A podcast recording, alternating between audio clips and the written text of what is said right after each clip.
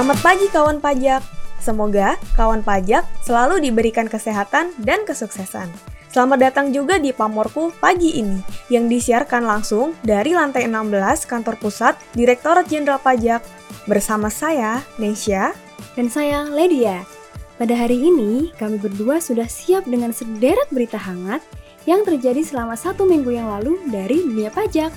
Ya, benar sekali. Dan kami tak bosan-bosan selalu mengingatkan kawan pajak untuk tetap menerapkan 3M.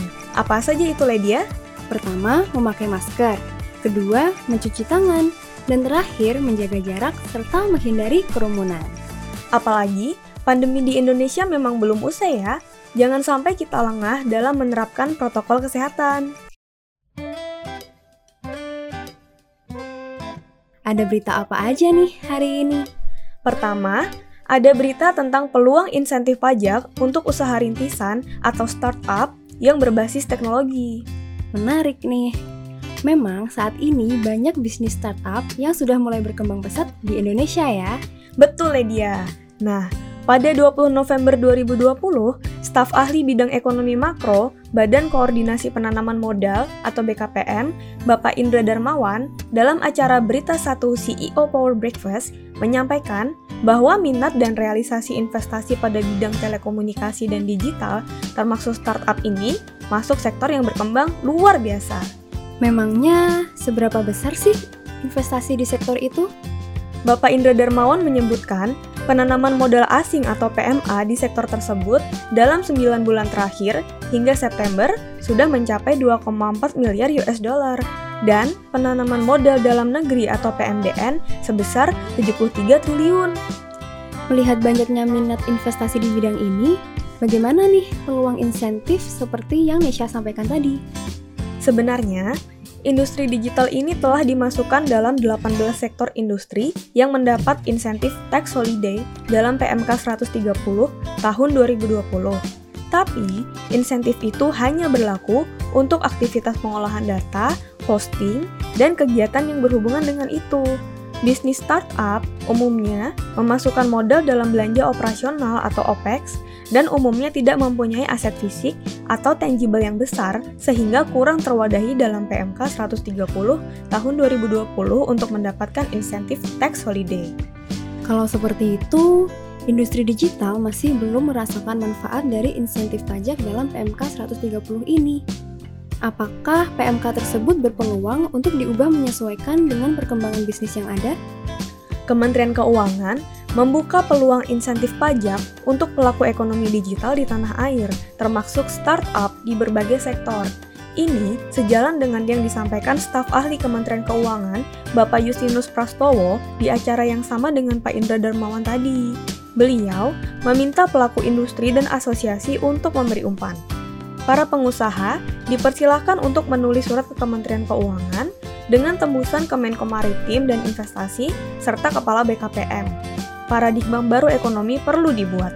Surat diharapkan bisa membuka pikiran dan paradigma pemerintah tentang perlunya usaha startup mendapatkan insentif pajak. Iya, peluang ini memang harus dimanfaatkan oleh para pelaku industri digital. Seperti yang kita ketahui, saat ini domain bisnis telah berubah Ekonomi digital telah mengubah pola bisnis, transaksi, dan konsumsi masyarakat menjadi lebih efektif dan efisien. Indonesia sudah cukup maju di bidang teknologi digital, ditambah dengan minat investor yang semakin berkembang pesat. Tentunya, peraturan juga harus dapat menyesuaikan kondisi saat ini. Benar sekali, Ledia. Dan untuk mewujudkannya, diperlukan kerjasama erat antara regulator, korporasi, dan masyarakat. Oke, Semoga kawan pajak pelaku startup sektor digital ini turut aktif ya dalam mengajukan usulan agar usaha startup bisa mendapatkan insentif pajak sehingga dapat dimasukkan dalam PMK.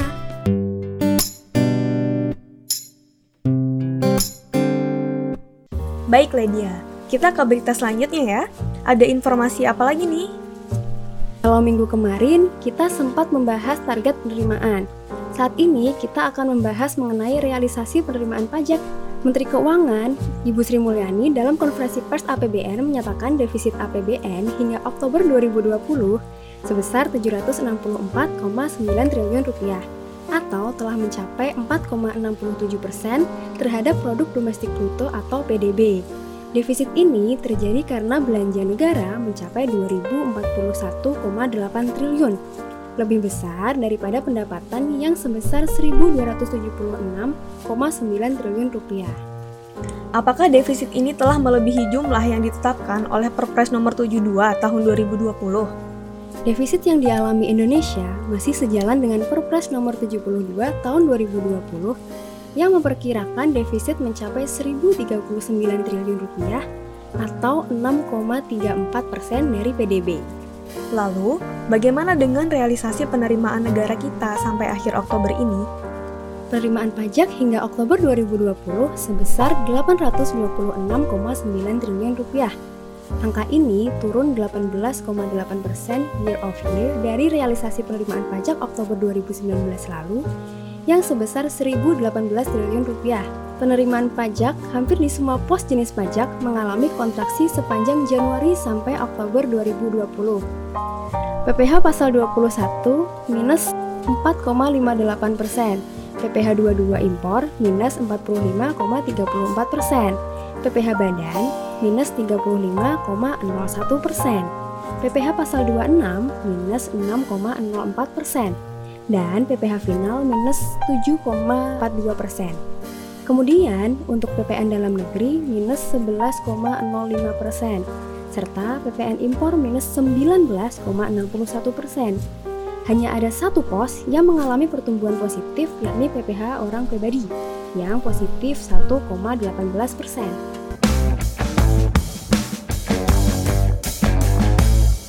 Sebenarnya, wajar saja kalau penerimaan pajak kita menurun. Penerimaan pajak mengalami kontraksi, salah satu penyebabnya yakni akibat insentif pajak dalam Program Pemulihan Ekonomi Nasional atau PEN Kontraksi tersebut juga menegaskan dukungan pemerintah kepada dunia usaha melalui insentif.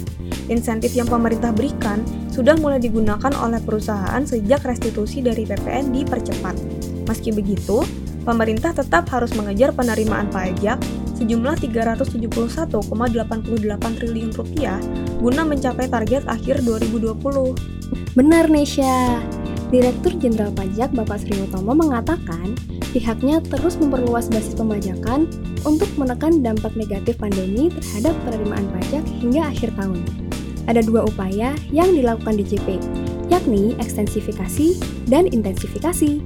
Ekstensifikasi dilakukan dengan pengawasan teritorial, yakni terhadap wajib pajak yang belum memiliki NPWP untuk perluasan basis pajak, termasuk menambah perusahaan pemungut PPN transaksi digital untuk mengejar realisasi pajak pertambahan nilai atau PPN yang dipungut oleh platform perdagangan melalui sistem elektronik atau PMSE.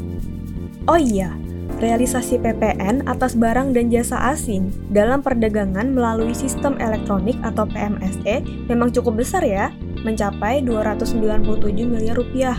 Lalu, bagaimana dengan upaya intensifikasinya?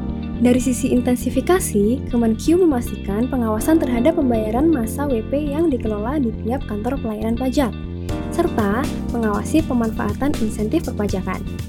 Extra effort dari pengawasan WP hingga pemberian imbauan juga tetap dilaksanakan. Semua upaya dilakukan di tengah pandemi ini agar betul-betul direalisasikan sampai akhir dari Desember 2020. Ekonomi global tahun 2020 ini memang tekanannya luar biasa ya, hampir semua negara mengalami kontraksi. Benar, namun Indonesia masih dalam relatif modest. Tidak seburuk negara-negara lain yang kontraksinya bahkan mencapai belasan hingga 20%. Bahkan, negara kita masih mengalami pertumbuhan ekonomi terbaik kedua di antara negara-negara G20 ini setelah Tiongkok. Mari kita simak saja ya pernyataan Menteri Keuangan usai melaksanakan konferensi tingkat tinggi G20 secara daring. Kita melihat memang ekonomi global tahun 2020 ini tekanannya luar biasa. IMF telah menyampaikan kepada para pemimpin G20 proyeksi ekonomi tahun 2020 di mana semua negara mengalami kontraksi kecuali RRT dan Indonesia di antara kelompok G20 ini pertumbuhan ekonominya masih relatif terbaik kedua sesudah RRT dibandingkan negara-negara lain.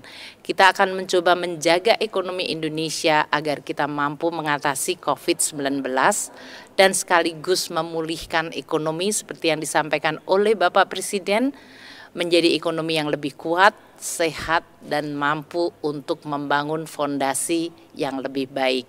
Kita berharap yang terbaik untuk Indonesia di tengah situasi global yang sulit ini. Dan semoga ekonomi nasional semakin kuat ya. Pastinya kita mengharapkan yang terbaik. Dan kita sebagai masyarakat juga harus mendukung upaya pemerintah agar bisa melewati kondisi ini. Ya, baik kawan pajak, sekian berita pajak dalam minggu ini. Jangan lewatkan update berita pajak melalui Pamorku, podcast kesayangan kita semua pada semua platform podcast kesayangan Anda. Sampai jumpa!